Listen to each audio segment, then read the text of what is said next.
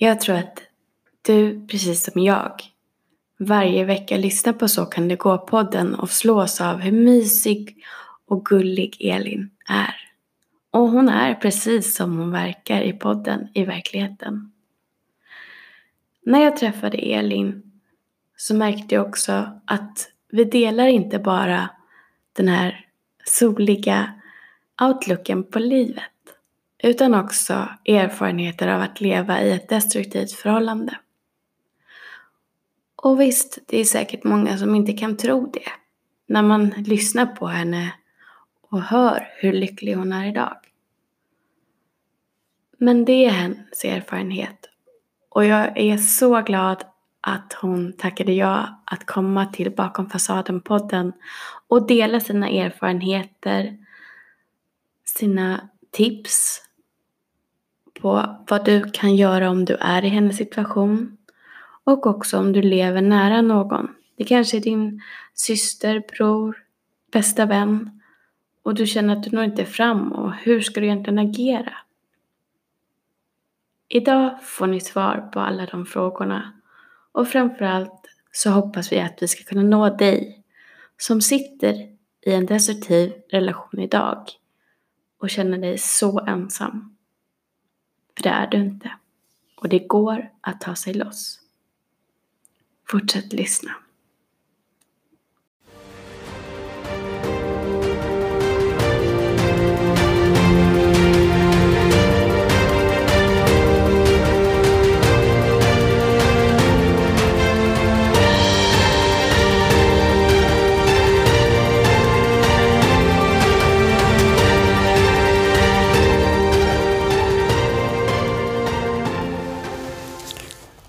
Varmt välkommen säger jag idag till en väldigt speciell gäst.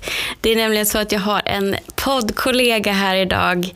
Ni känner säkert igen Så kan det gå-podden och det är Elin. Tack snälla du för det jättevarma fina introt. ja, men det är ju en av mina favoritpoddar och det är därför att Dels för att jag tycker att du är så väldigt äkta och genuin.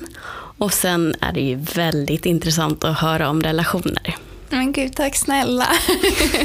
jag håller verkligen med. Jag älskar också att prata relationer. Jag tycker man kan göra det hur mycket som helst. Och eh, jag blir väldigt glad att du gillar den så mycket. Tack. Tack själv. Och det är just därför jag så gärna vill att du kommer hit och pratar i Bakom fasaden-podden. Och tanken är också att eh, vi ska få komma bakom fasaden på dig eftersom det är väldigt intressanta gäster i din podd. Men jag vet att även du har en väldigt intressant historia att berätta som jag känner att många behöver få höra och många säkert delar. Men jag tycker det är jättefint att du vill eh, lyfta den också. Det var ju själva Bakgrunden till varför jag ens startade podden är för att jag, mellan att jag var 14 och 21, så var jag i en väldigt destruktiv relation som kantades av mycket psykiskt våld framför allt, men också materiellt och framförallt digitalt våld. Och det tog mig väldigt många år att försöka komma ur den och när jag väl gjorde det då hade jag aldrig pratat om hur det egentligen var. Mycket på grund av att han hade massa, massa regler. Och en av de reglerna var då att jag absolut inte fick prata med någon annan om hur vår relation var. Så av rädsla och också av en skyddsmekanism för mig själv, att inte liksom göra honom upprörd, så gjorde jag ju inte det. Så, och blev ju då också kvar i relationen väldigt, väldigt länge. Men när jag väl började prata om den, när jag väl var ur den, då fick jag ju så mycket värme och kärlek tillbaka när jag började öppna upp. Men jag fick också höra hur andra hade väldigt destruktiva relationer. Från personer som jag trodde hade helt perfekta liv och perfekta relationer. Men där var det antingen ja, men en väldigt stark inre kritiker eller miserabla liksom, familjeförhållanden eller destruktiva parrelationer eller vänner som svek en gång på gång och så. Så bakom den här fasaden som du pratar om så var det så himla vanligt. Mm. Medan utåt så såg det ut som att allt var guld och gröna skogar. Och det var väl någonstans där jag började så inse hur vanligt det var. Och det är också en väldigt vanlig grej med när man är i en destruktiv relation. Att det känns som att man är ensammast i världen och man förminskar kanske det man har varit med om för att det är väl inte så farligt och alla andra ser ut att ha det så bra. Liksom. Men och, och den insikten blev ju början på någonting helt nytt för mig. Och ja, i längden början på podden. Hur länge har du drivit podden nu? Sen augusti 2019, så det är inte super, super länge. Men snart ett år, vilket känns helt galet. Åh, oh, gud. Och så mycket intressant som jag har lyssnat på. Ja, vad roligt. Ja, det har varit magiskt att få ta del av så otroligt kloka och fantastiska människors eh, bästa råd och tankar. Så. Mm. Om jag går tillbaka lite grann och tänker så här, vem var Elin innan du gick in i det här förhållandet? Jag var en väldigt levnadsglad tjej. Väldigt glad, i någon mån lite mer som jag är idag. Och eh, väldigt nyfiken på människor, väldigt liksom öppen, eh, gillade att ha kul, hade för mest väldigt mycket killkompisar. Eh, mer killkompisar än vad jag hade tjejkompisar och var lite så här jag vill inte säga townboy liksom girl, men lite den stilen hade jag väl. Ehm, och det var jag och min bästa kompis och sen alla våra killkompisar som liksom gjorde massa rackartyg hela tiden. Ehm, ja. Och hur gammal sa du att du var när du träffade honom? Jag var 14. Jag hade precis fyllt 14 för en månad sedan. Så ja, ja nyss fyllda. Och hur träffades ni? Eh, vi träffades faktiskt på en fest. Och han var den här killen som när han kom in i rummet så, ja men du vet, man såg honom direkt. Mm. Jag kom ju också från en stad där jag gick på ja, men en privatskola så vi hade ju liksom uniform i skolan och det var ganska uppstyrt. Eh, och liksom fanns inte klotter i skolan. Alltså du vet, väldigt så här, eh, en liten bubbla på ett sätt. Och in kom han, så här, muskulös hockeykille, några år äldre, han var 17. Han hade liksom håret sådär perfekt så med vax och han hade hål i öronen och var bara så här vrålsnygg tyckte jag. Och eh, har ju ett väldigt liksom, fint leende så han var ju liksom allt jag bara såg. Och vi började prata och kunde ju sen inte sluta prata. Så. Och sen var det ni? Ja, alltså vi hördes varje dag, typ hela tiden i en vecka. Och jag åkte upp till Norrland där vi eh, har hus, eller hade hus. För jag är uppvuxen där. Och vi skulle liksom renovera på huset, typ hjälpa pappa. Och jag kommer ihåg att efter en vecka så då hade vi pratat typ dag och natt. Och då frågade han om vi skulle bli tillsammans. Mm. Och då liksom mitt 14-åriga jag, jag var ju livets romantiker.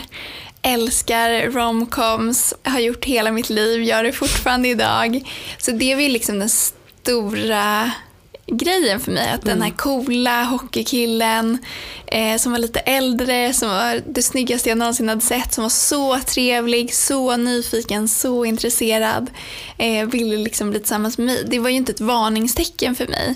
Medan idag så hade jag ju sett en relation som kanske eskalerar så fort, eller eskalerar men utvecklas, man får kalla det vad man vill. Mm. hade jag sett som ett varningstecken idag. Men då var det ju bara det bästa som kunde hänt någonsin. Liksom. Ja, och vad vet man när man är 14? Då har man ju bara de här äh, referensramarna till de här underbara filmerna som faktiskt ändå bara är film och fiction. Eh, så det är egentligen inte alls konstigt att du föll in i det här. Men jag kan tänka mig att det kanske var väldigt härligt och spännande i början som det ofta är. Eh, nu jämför jag lite grann med mina egna erfarenheter. Och eh, att det här känslan av att bli vald är så stark. Så att man går helt in och, och ja, skygglappar och rosa skimrande ja, syn på allting. Men hur kände du att det var något som inte riktigt stämde? Hur ändrades han? Liksom? Men det där är en så himla bra fråga. För det är ju verkligen precis så som du beskriver det. Att allt var ju bara rosa moln liksom till en början. Och han, han kom från en annan stad än vad jag gjorde. Så han åkte ju liksom aktivt tåg till Stockholm bara för att träffa mig och, mm. och allt det där.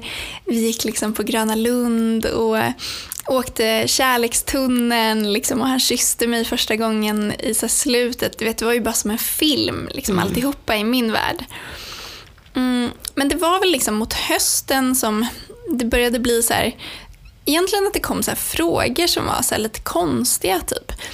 Jag vet att vi skrev väldigt mycket på MSN som det var då. Just det, ja. så länge sedan. Men, och då frågade han massa så här, det här eller det här eller det här eller det här. Typ. Och då tror jag att han frågade typ så här, om jag gillade string eller vanliga trosor. Typ. Mm. Och att jag då hade sagt vanliga trosor. Typ början, alltså jag var ju 14 liksom. Ja. Jag, visste att jag, fick inte, jag ville ha string av min mamma och fick absolut inte köpa det. Så jag och min bästa kompis vi klippte liksom stringtrosor. Men, och då i alla fall så hade jag liksom köpt ett par stringtrosor typ senare på hösten. Jag tyckte väl att jag skulle vara lite snygg sådär. Mm. Men att han var så här, har du haft dem där i skolan? Och, och, såna, och så här, att det började komma sådana där så här, mm. med väldigt högt ögonbryn och en så här, helt annan ton i rösten. Där kom det kontrollerande.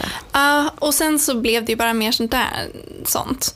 Och så fort han fick veta att jag umgicks mest med killar, det gick ju otroligt snabbt från att jag typ bara hade killkompisar till att jag inte hade någon. Mm. Eller de tyckte väl att de fortfarande var min vän men jag undvek ju dem i största mån. För han blev ju så otroligt arg mm. och tyckte det var otroligt opassande. Liksom. Och till en början blev han ju inte arg, då hade väl jag också reagerat. Utan till en början var det ju snarare så här, men gud, men jag känner mig obekväm då, gillar du dem lika mycket som du gillar mig? Alltså du vet mer så här skuldkänslegrejer. Mm. Skuldbelägga totalt för att du ska ja, jag vet inte om det här är medvetet, men det är ju ändå en intention att ja, tjejen i det här fallet då ska känna att det, det är bara ditt fel och du gör någonting som gör illa honom. Precis. Och det där är också en väldigt vanlig grej när man just ser till destruktiva relationer som helhet. När jag i efterhand har lärt mig väldigt mycket om det. Så är det ju just det där att det destruktiva behöver inte börja som elaka kommentarer utan det är det där så här bakomliggande tonen hela tiden. Det kan också bara vara i form av liksom att man avskärmar genom att säga att så här, men gud vi som är så kära, ska inte bara vi två hänga? Ska verkligen den vara med? Jag vill ju att det bara är vi. Mm. Och så liksom blir det mer och mer sådär, man får skuldkänslor om man är med någon annan och sånt. Och sen lite längre in i relationen, då kan det ju bli rent utav aggressivt så att så här, men du får inte vara med den eller så här, mer rakt på. Men där pratar man ju också om någonting som heter normaliseringsprocessen. Så att det, med små, små, små liksom, twistningar så implementeras väldigt osunda beteenden men man märker dem inte riktigt därför att det sker över så lång tid och mm. därför blir de normaliserade. Och det är ju alltid genomgående i såna här relationer. Mm. Nu när jag tänker efter så, jag vet ju att jag hade ju väldigt få vänner kvar efter två år i den här relationen som jag var i. Nu var jag lite äldre men det var ju väldigt liknande där. Och jag kommer inte ens ihåg hur det började.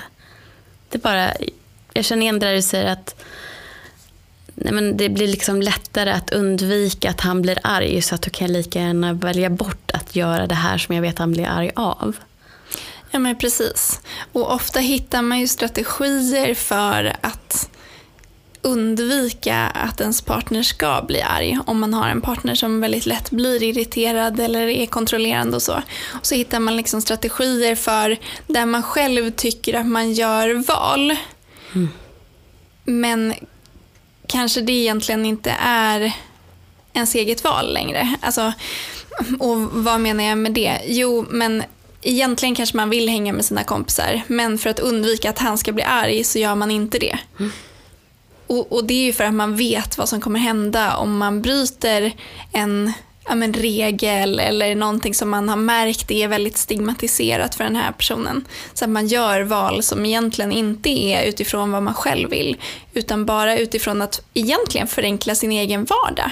Vilket ju är helt legitimt. Självklart vill man försöka ha en så enkel vardag som möjligt. Och är man då med en person som ibland gör ens vardag väldigt svår, självklart kommer man ta de vägarna som gör att vi inte kommer bråka ikväll utan vi kommer ha en lugn och trevlig kväll. För ofta är ju också de här personerna världens skärmtroll och supergulliga och ofta väldigt romantiska och kärleksfulla. Men så finns det också en annan sida som man hela tiden försöker att anpassa så att den inte kommer fram. Verkligen. Nu kommer jag att tänka på en historia när jag, jag pluggade under den här tiden. Jag var 22 tror jag när jag gick in i den relationen. Och eh, jag vet att jag och mina klasskompisar gick ut och åt efter skolan någon gång. Och han var iväg och dök. Um, så jag tänkte jag kan väl gå och äta med dem så kommer ju han ringa sen så kan jag gå och möta upp honom. Och sen råkade jag vara på toaletten precis när han ringde. Så någon annan svarar och det låter stimmigt och det dricks alkohol. Och eh, han eh, lägger bara på luren och ringer upp igen då när jag kommer tillbaka och är jättearg. Och eh, avbokar att ses helt. Ja, men då skiter vi i det. Du verkar ju jättekul med dina polare. Den här. Eh, och sen fick jag höra av en gemensam vän då att han hade tydligen köpt blommor till mig på vägen hem och skulle ha en jättemysig kväll tyckte han och så hade jag bara förstört det. Och det här kommer jag ihåg att det satte sig så starkt och också att jag kände så stor skuld för jag hade ju förstört den här romantiska kvällen som han hade planerat för oss för att han var så kär i mig. Eh, och jag såg inte alls att det här var någon typ av kontroll eller någonting. Men då blev det att jag gjorde inte sådana saker utan honom i fortsättningen. Är det någonting du känner igen också? Gud, jag kan identifiera mig jätte, jättemycket med det. Eh, hur många gånger som helst. Men i mitt fall så blev det ju att när jag var med kompisar och sånt så, alltså för det första så han ringde ju mig typ så 30, 40, 50 gånger om dagen och smsade därtill. Och om jag då var med kompisar och han ringde och jag sa att jag inte kunde prata. Då var ju han så här, men vad menar du? Är de viktigare än mig? Mm. Det var ju liksom en klassiker. Så du kan inte prata med mig nu? Jo, det är klart jag kan prata med dig nu, fast det är ganska otrevligt eftersom att jag är med Helena nu. Mm. Så jag kanske ska hänga med henne. Okej, så hon är viktigare än mig. Då vet jag det. Så ble, tvingade han mig, eller så här, liksom fick mig av skuldkänslor anledningar mm. att prata med honom typ 30-40 minuter. När jag, liksom, vi kunde, jag kunde vara en one-on-one med en tjejkompis. Liksom. Och jag kunde inte lägga på för att jag visste att då kommer det så mycket aggressiva sms, så mycket meddelanden. Han kommer ringa 40-50 gånger och sen kommer han liksom ragea sönder när jag kommer hem. Så då var det liksom enklare att prata med honom där och att det blev asstelt med min kompis. Och mina kompisar kunde ju också vara så här, men måste du prata med honom nu liksom? Och jag ville ju inte prata med honom då. Men sa ju till dem att så här, ja men han be behövde det här eller kom alltid med massa ursäkter för att de inte skulle tycka att han var konstig. Mm. Liksom. För jag fattade ju också att det var konstigt. Men jag var också så himla himla kär i honom för alla fina sms han kunde skriva och alla blommor han kunde skicka och alla fantastiska presenter han kunde göra och alla överraskningar. Och, ja, men så att, han tickade ju så många av de romantiska boxarna. Så då försökte jag bara dölja de här delarna för att jag tänkte att som man ganska ofta tänker, men att jag kommer kunna ändra honom och jag kommer kunna få honom att förstå att det här inte är sunt. Mm. Men så var det ju inte, utan det blev ju snarare bara tvärtom. Ja, för att när man väl får den här belöningen eh, i form av den romantiska och fina sidan av den här personen, då vill man ju så gärna ha tillbaka det och hålla fast vid det på något sätt så att det blir ännu mer anpassning. Ja men exakt. Och sen så är man ju kär i en, en bild och en variant av oss som ju har varit. Så mm. man vet ju att den finns där. Men där vet jag när jag pratade med generalsekreteraren för Unison och tusen möjligheter, Sandra Kanakaris, som jag också varit med och startat upp ungarelationer.se, mm. som jag verkligen tycker alla ska gå in på och kika. Där kan man göra ett test om man är i en sund relation eller inte, som är jättebra. Men då frågade jag henne den frågan. Att hur ofta ser ni att en relation som har varit bra, där det har kommit mer och mer destruktiva element, hur ofta har liksom tjejen kunnat ändra honom om man säger så? Och hur ofta har det blivit bra igen? Och hon sa att vi har aldrig sett det. Nej. Självklart om det är en person som är insiktsfull och så här, genuint vill ändra sina beteenden själv, kanske själv har börjat gå till en terapeut, då är det liksom en annan sak. För då är det någonting som den driver. Men att vara den som ändrar en person, det går liksom inte. Och just det där svaret att hon aldrig har sett att en, en genuint destruktiv relation, där man är kär i en variant av oss som var i början, att det händer aldrig att det blir densamma. Den tycker jag är så sorglig men också väldigt, väldigt tänkvärd och mm. någonting som jag tror att man ibland behöver påminna sig om att så här, är jag fortfarande kär i oss eller är jag lite kär i kärleken här? Mm. Och det kan vara jättesvårt. Alltså verkligen. Jag, herregud, jag, jag höll ut i åtta år. Jag vet precis hur svårt det kan vara. Men det gäller liksom att välja sig själv. Mm. Problemet är ju lite också att vem är jag när jag är mitt i den relationen eller en sån typ av destruktiv relation. Jaget bleknar ju bara mer och mer ju längre tiden går.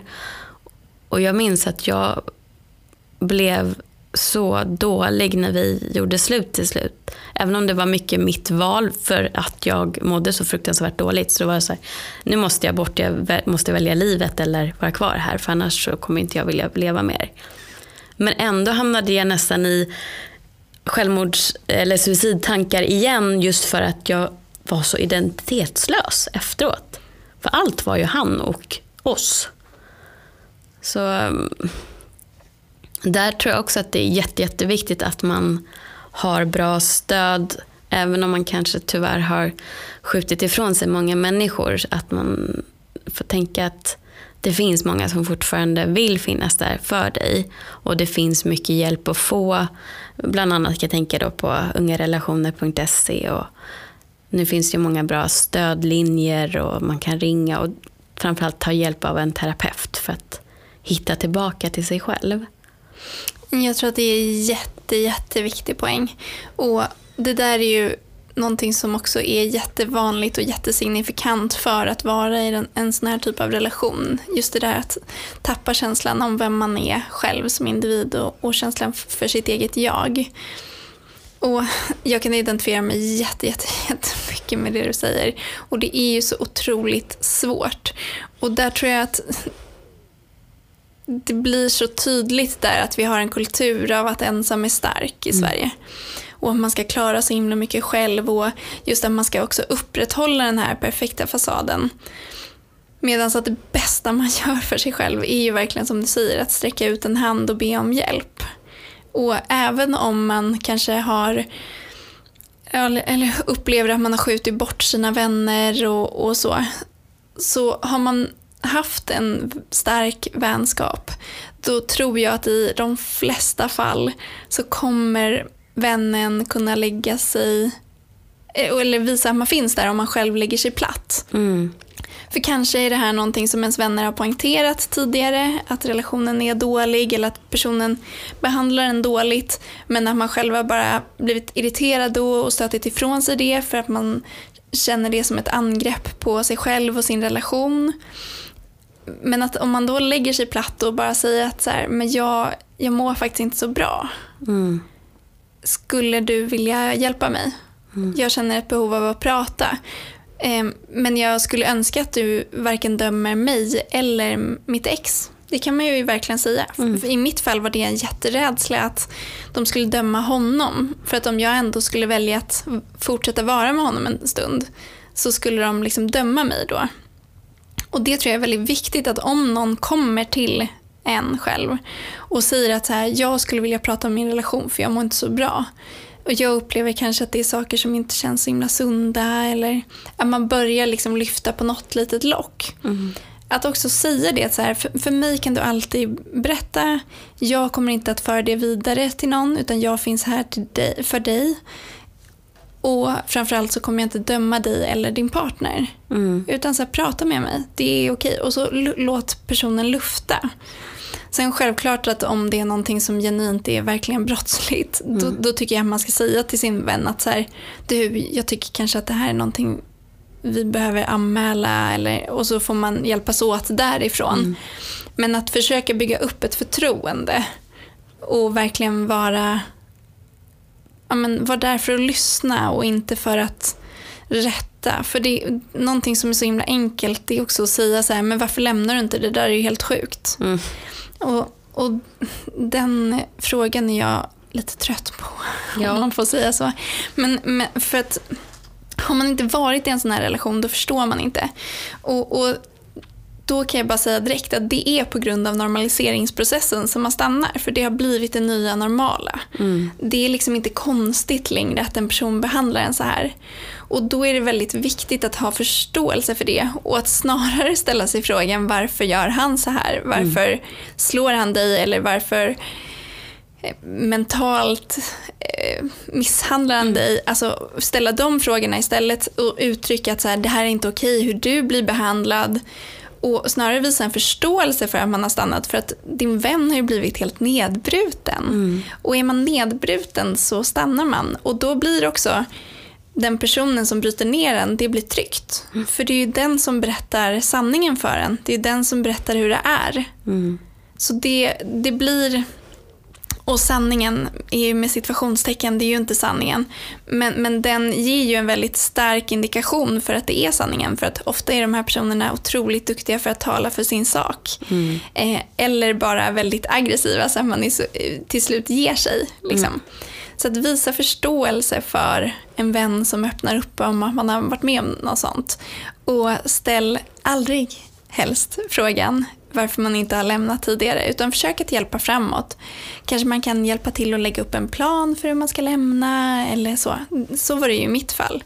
Att jag var ju tyst i sju och ett halvt år liksom. Och sen en dag så kände jag att nu är det nog. Och då valde jag att- berätta allt för min bästa kompis. Och hon vart ju helt chockad. För att hon hade ju aldrig hört ett knyst. Liksom. För allt jag hade gjort var ju bara att glorifiera honom. Och sen så kunde vi tillsammans lägga upp en plan för hur jag skulle lämna. Och då när jag också hade sagt det högt till någon annan. Jag hade ju försökt lämna i ungefär fem år. Men var ju just i det där moment 22, att så här, men vem är jag utan honom? Jag har inga vänner längre, liksom typ. Eh, och kände mig inte välkommen på olika platser för att jag hade ju blivit som en inåtriktad mus, vilket jag ju inte hade varit innan. Så många var ju också så här, men gud vad har hänt med Elin? Liksom, hon är bara försvunnit. Och då var jag ju så rädd för så här, vad, vilken verklighet skulle jag vänta utan honom? För nu visste jag ju ändå vad jag hade. Visste jag ändå hur jag skulle manövrera min egen verklighet för att den skulle vara så bra som bara möjligt. Eh, hade någon att ringa när saker hände? Alltså allt det där. Och då är det så lätt att känna att man är ensammast i världen och han är i alla fall något. Mm. Hur, Jag tänker det var ändå så, det var ju väldigt lång tid. Din familj nu i efterhand när ni har pratat om det, hur upplevde de er relation? Ja, men, om det är någonting som pappa och jag har bråkat om under de här åren så är det ju att pappa inte ville att jag skulle vara i den här relationen. För han tyckte att han såg destruktiva beteenden. Men jag avvisade ju dem otroligt hårt. Och vi var ju så grymt oense och ibland så förbjöd han mig att åka dit. Men sen så visade jag honom alla fina sms han skickade, du vet allt sånt där och nu ska vi göra det här och det här och det här. Men det var ju länge som min pappa inte tyckte att jag skulle vara i den relationen. Men jag var ju också så ung tonår, så här, rebell, så här, vad ska han göra? Ja. jag träffar honom ändå. Mm. Så, Ehm, så jag tror att i ett försök att också hålla kvar mig hemma och inte tappa greppet av mig helt så, så här, försökte ju han bara att manövrera det. Mm. Och det är ju någonting som han idag mår i perioder dåligt över att han känner det som ett misslyckande från hans sida. Men det tycker jag verkligen inte att de ska göra för de, för, de försökte stötta mig så gott det bara gick och jag gav verkligen alla skenet av att det var jättebra. Så att han hade ju bara aningar. Han visste ju inte hur det var. Han kände bara ibland att han anade saker. Mm. Och då tog han upp dem med mig och jag avvisade dem till 100% och visade ju sen upp ännu mer guld och gröna skogar. Så.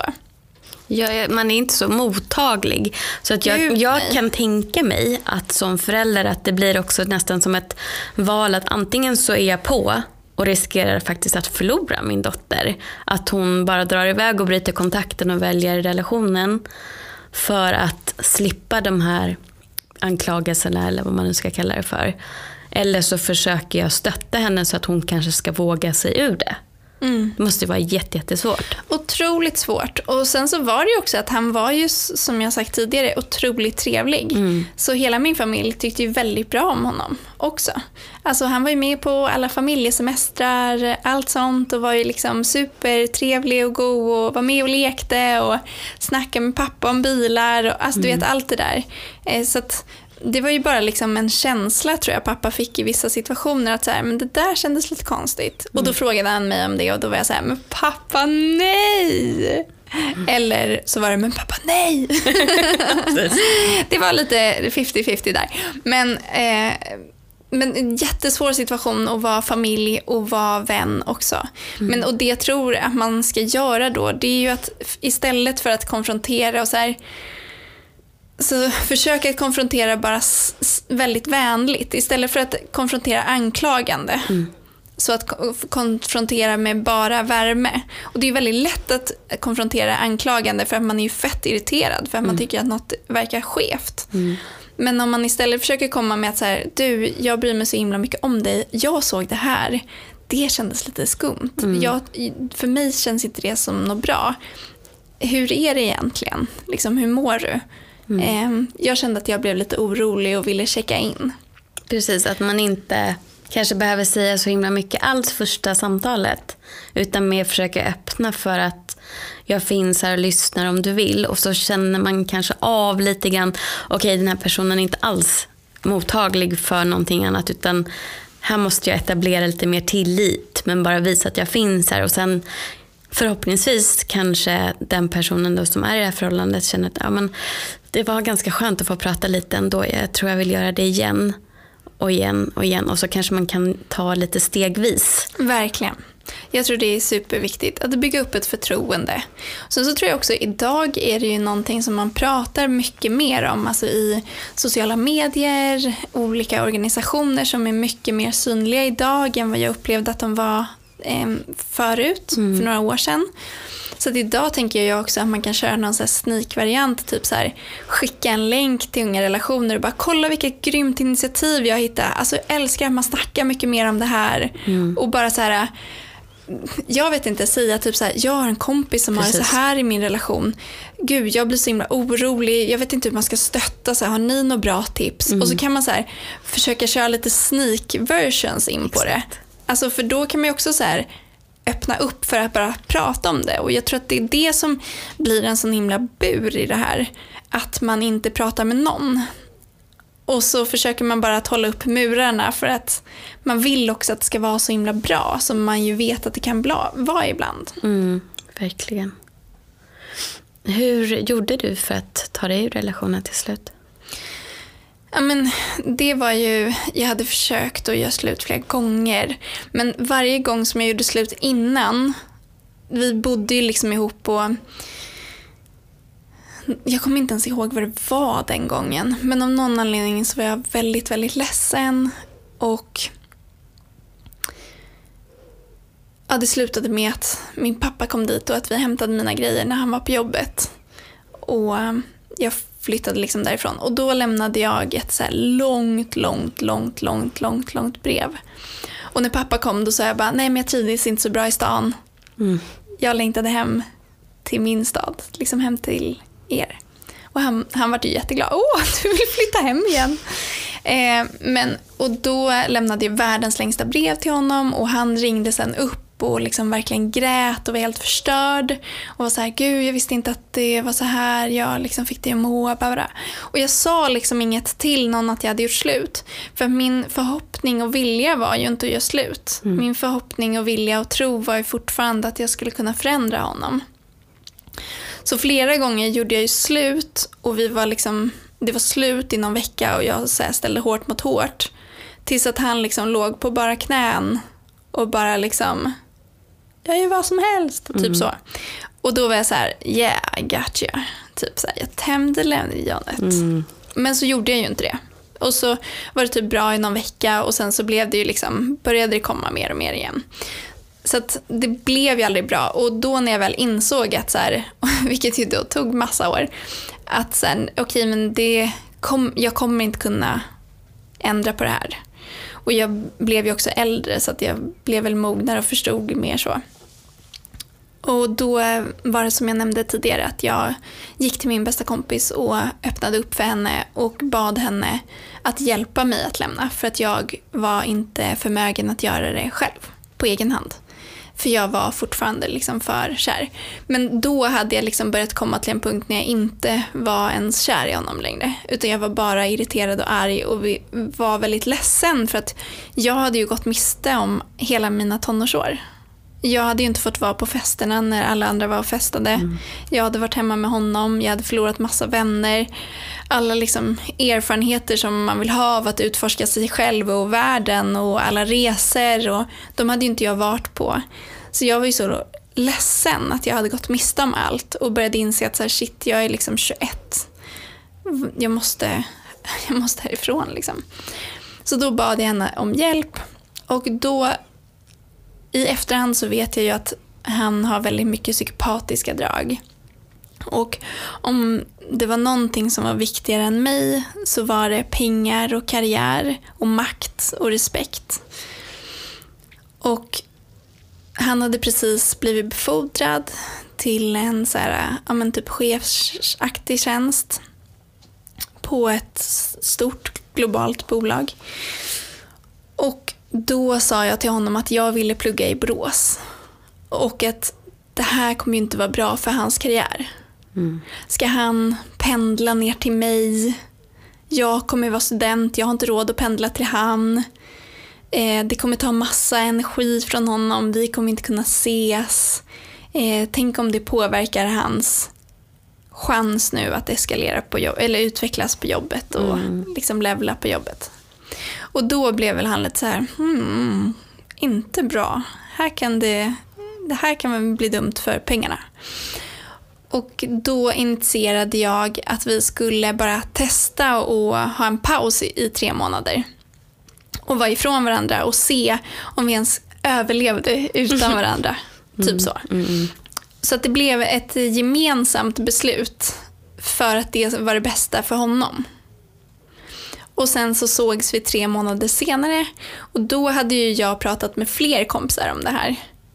Um, för jag hade ändå, många av liksom, man får ju väldigt mycket nya kompisar i tonåringen. Men jag hade kvar dem som var mina liksom äldsta barndomskompisar. Så. Och när jag väl då berättade för dem, vi hade ju också glidit isär väldigt mycket, men när jag då berättade för dem så var ju de all där och var så här, hit men inte en sekund längre. Så. Mm. Och då kunde ju jag under de här tre månaderna också bygga upp mig själv, komma ut mer, se vad jag har missat, liksom gå på någon fest, även fast det var så cringe. Alltså, jag kände mig så obekväm, jag visste inte typ ens hur man var social med andra människor.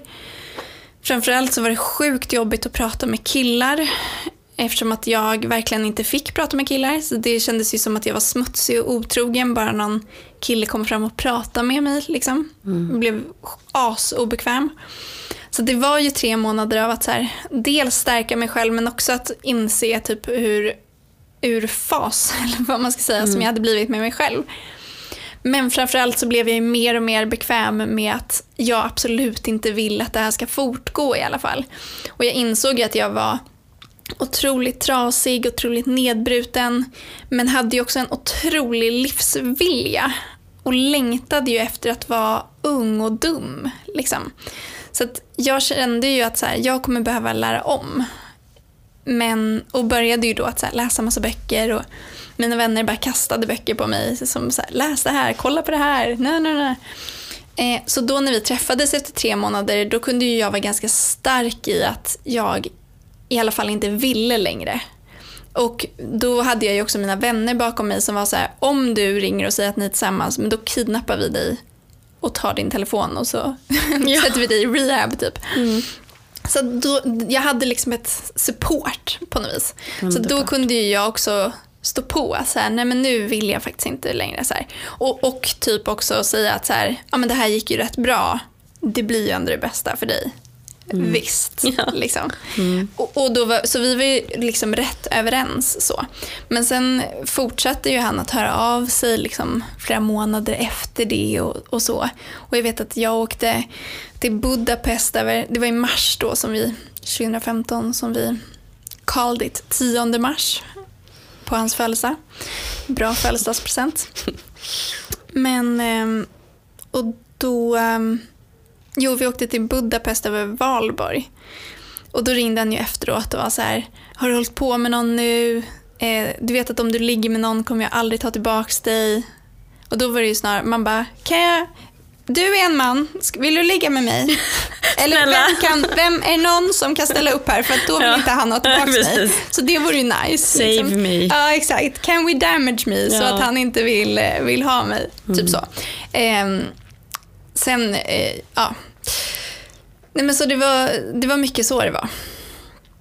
Och sen, eh, ja, sen träffade jag min nya kille väldigt snabbt. Så I juli träffade jag min sambo som jag är tillsammans med nu. Så jag var ju urusel på att vara singel kan man ju säga. jag hade tänkt att jag skulle vara singel till jag var 30. Men eh, jag var singel i typ fem månader. Så det var ju bra jobbat Elin. Fast jag, jag blir ju ändå väldigt imponerad av att du kunde gå in i en sund relation så tätt inpå. Eftersom jag har ju inte lyckats liksom på 15 år och hitta någonting. Men eh, har, då blir jag nyfiken på hur har det här liksom påverkat er relation? Ja, men, dels så hade ju jag några månader där, alltså vi gjorde ju slut i mars men i mina ögon gjorde vi ju slut i januari. Mm. Liksom. Så där hade ju jag x antal månader där jag, som jag sa, läste på massa böcker. Jag var ju också väldigt, väldigt transparent med mig själv och kände ju instinktivt väldigt mycket att det här hade, det här hade tagit alla mina år. Så det hade definierat så otroligt mycket fram tills nu. Att jag var inte beredd att låta det definiera en sekund till av mitt liv. Så jag var så otroligt done med att nog får vara nog. Så jag var väldigt öppen med att jag var beredd att lära om. Mm. Jag var också väldigt öppen med att jag visste att jag var väldigt skadad på många sätt. Men försökte liksom att mappa upp var jag tänkte att jag kände mest stigmatisering, vad jag tyckte var jobbigast. Typ att snacka med killar var ju jättejobbigt och, och liksom sådana saker. Och hade ju väldigt lätt för att anpassa mig och sådana saker.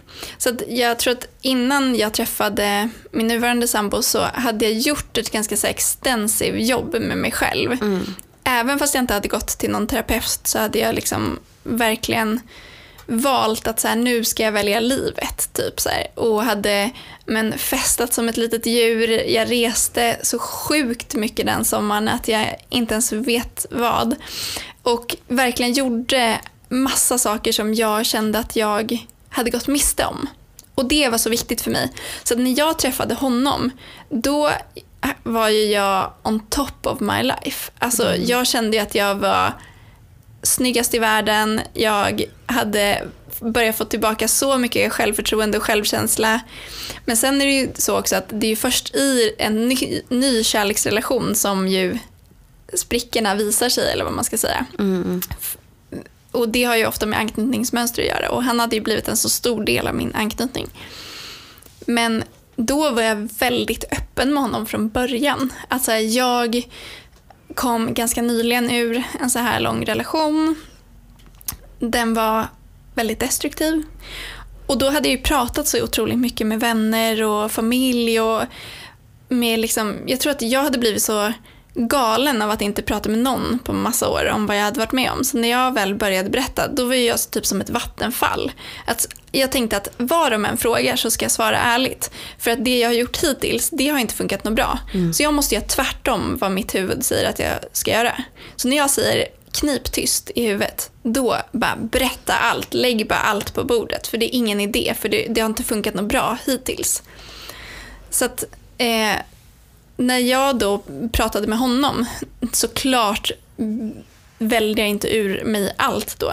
Men jag berättade ändå de delarna som jag tänkte var bra för honom att veta. Att så här, I sådana här situationer kanske jag reagerar så här eller så. Och han var bara ett otroligt fint stöd. Och jag minns första gången som vi skulle, inte bråka, vi, vi bråkar ju liksom inte i den bemärkelsen som jag var van vid att bråka innan. Då var det ju typ bråk varje dag, mm. varannan dag, skrik, kasta saker, hot, spotta i ansiktet, alltså du vet allt sånt. Medan nu då, min sambo som jag är nu, han gillar att spela dataspel mycket. Och vi eh, flyttade ihop eh, ganska snabbt eller vad man ska säga. Men så att på våren liksom 2016 eh, då bodde vi tillsammans i en, en lägenhet i Kungshamra. I Stockholm, en liten studentlägenhet som var jättesöt. Men, och då upplevde jag att han spelade ganska mycket och att vi kanske inte fick så mycket tid tillsammans. Han pluggade då och jag jobbade då.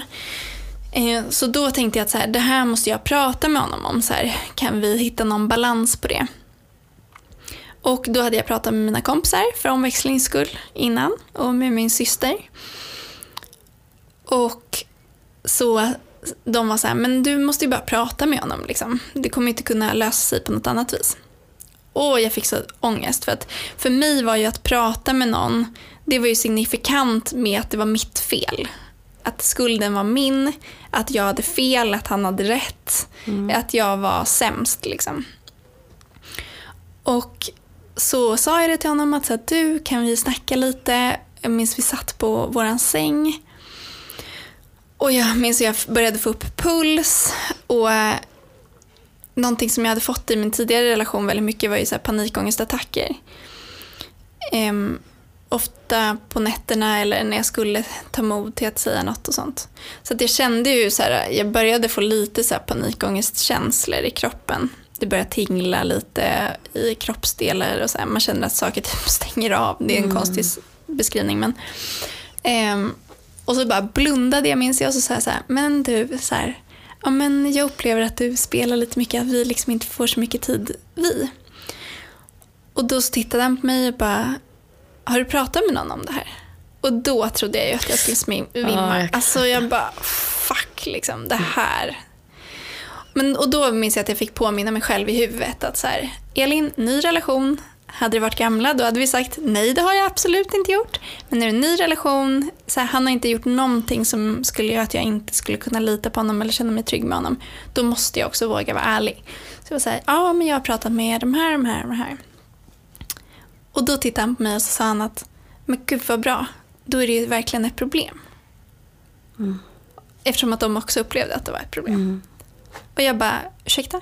Och jag kommer ihåg att jag började gråta och att han inte riktigt förstod. För att jag var, det var så otroligt liksom stigmatiserat för mig. Och så var han bara, det hände ingenting. Liksom, utan han var bara så här, jaha, men då, då får vi ju försöka tänka på det och lösa det. Och att jag var helt så här, ursäkta? Mm. Var det så enkelt liksom? Och det ska inte behöva vara mycket svårare än så heller. Nej, förlåt, jag har lite svårt att ja. prata nu. Jag blir helt eh, ja. berörd. Mm. Uh, uh, uh. Mm. Men um, jag tänker att uh, vi ska börja avrunda lite. Ja. Ehm, och ehm, ha lite tjejsnack. Ja. jag att jag kommer behöva. men som sedvanligt kommer jag fråga dig då att eh, alla de tjejer och killar kanske som känner igen sig i den här historien som du har berättat med oss. Eh, vad skulle du ge dem för tre tips? Om de känner igen sig att det här, fan det här är ju jag. Jag skulle dels så cut yourself some slack mm. och, och, verkligen försöka vara snäll med dig själv och visa compassion för dig själv. Ehm, det är väldigt lätt att man känner sig väldigt dålig i sådana här relationer för att den andra personen vänder saker till det. Men försök att lita på din egen magkänsla. För ofta är den väldigt sann. Så känns det inte sunt, försök att så här, luska mer i så här, men vad är det som inte känns bra. Och börja kanske att skriva en liten dagbok. Där du skriver ner sånt som inte känns bra. Kanske du börjar typ screena elaka sms och lägg dem någonstans där han inte eller hon inte kan hitta dem. Kanske du har en dold liksom, e-mailadress eller något du kan skicka dem till. Och då kan du gå in och kolla där sen. Och då ser du också i vilken utsträckning det här är. Och det kan bli lite mer svart och vitt. För att många gånger så är det så lätt att så här, sopa under mattan, så här, en gång till under mattan, under mattan, under mattan. Men så här, samla på dig allting. Inte minst som bevis, alltså det här är ju på riktigt brottsligt mm. att hålla på så här. Så att om du någon gång får för dig att vilja anmäla, då har du massa bevis. Om personen slår dig, ta foton på blåmärkena, skicka det någonstans. Samla bevis. Men om inte för att inte anmäla, så för dig själv. För att också bygga upp en styrka i dig själv. Att nej men, min magkänsla är faktiskt rätt. Så det skulle vara nummer ett. Nummer två så tycker jag att våga prata med någon. Om du inte känner att du har någon person i din närhet att prata med, du kan alltid skriva till mig. Jag kan tänka mig att man får skriva till Helena också. Absolut. Men annars finns det som sagt massa organisationer, Unga relationer är en av dem. Det finns massa tjejjourer där ute. Det finns eh, advokatbyråer som man kan höra av sig till. Och liksom bara hör av dig till och börja lufta med någon. För att genom att göra det så kommer du också ganska snabbt få men en respons av att din magkänsla är rätt. Och till en början tror jag det handlar väldigt mycket om att bekräfta att sin magkänsla är rätt. Mm. Men och sen som tredje grej, Välj dig själv. Välj att lämna. Det är så svårt. Och Jag sköt upp det hur länge som helst med att säga ja men vi ska bara på den här födelsedagsfirandet. Eller, fast nu är det ju faktiskt den här påskmiddagen och så är det midsommar där ja. Så det passar ju inte så bra. Och sen, oh, han fyller ju faktiskt år. Men sen valde ju jag att göra slut på hans födelsedag ändå. Mm. Men så att, försök att inte ha dem som ursäkter. Utan gör en plan. Hur ska du lämna? Och gör det bara. Mm. Och jag tror att ibland vill vi göra det mycket mer avancerat än det behöver vara. Men liksom packa väskan, dra hem till mamma och pappa, eh, ta in på hotell om du har möjlighet. Vad som helst. Bara dra, ta bort hans nummer, byt nummer själv. Ta bort honom eller henne helt ur ditt liv. För det är ingen idé att fortsätta liksom låta personen ringa eller skicka sms som är vädjande. Du skadar bara dig själv. Mm. Så att försök att bara rip the bandage, stick, gör slut, håll hårt och våga håll hårt. Mm. Och det kanske är skitjobbigt, troligtvis, kanske till en början. I mitt fall var det bara en lättnad. Eh, men det var ju också för att jag hade ju tänkt på det här i så många år så att den där fasen av att det är jobbigt att lämna hade jag redan haft fast i relationen. Så i mitt fall var det bara en jättelättnad. Så, sen var det också blandat med panikkänsla, att säga, men vem är jag nu? Men man hittar vem man är. Mm. Och nu skulle jag bara ge tre tips. Men när du väl är ute, gör saker. Mm. Även fast det känns jätteobekvämt, försök att träffa nya människor. Gå ut i en bar, var bland människor, börja på en ny aktivitet. Det låter så klyschigt att det inte finns. Men gör bara allt det där som du har velat göra länge. Åk på en resa var som helst. Eller bara kom ut. För att genom att göra saker så kommer du också stärka dig själv. Och det är jätteviktigt när du väl kommer ur relationen. Ja. Mm. Jättefina tips. Tack så jättemycket Elin. Ja. Tack för att du var så sårbar och modig i din berättelse. Ja, men tack för att jag får komma hit och dela och tack för det du gör med den här podden. Jag tror det är så viktigt för så många. Jag hoppas det. Och är det någon nu som då vill höra av sig till dig så gissar jag att det är lättast kanske att gå in på så kan det gå utan prickar och så, så kan det gå. um, på Instagram. Precis, så kan det gå podden. Mm. Eller så kan det gå ja, podden. Precis, ja. precis. Och uh, min Instagram är då bakom fasaden podden som ni också jättegärna får höra av er till om ni behöver. Ja, och gör det. Det är alltid bra att lufta sina tankar. Ja, precis. Och med de orden så önskar jag er alla all värme och kärlek som finns. Och eh, fortsätt lyssna, fortsätt dela och inte minst ta hand om er.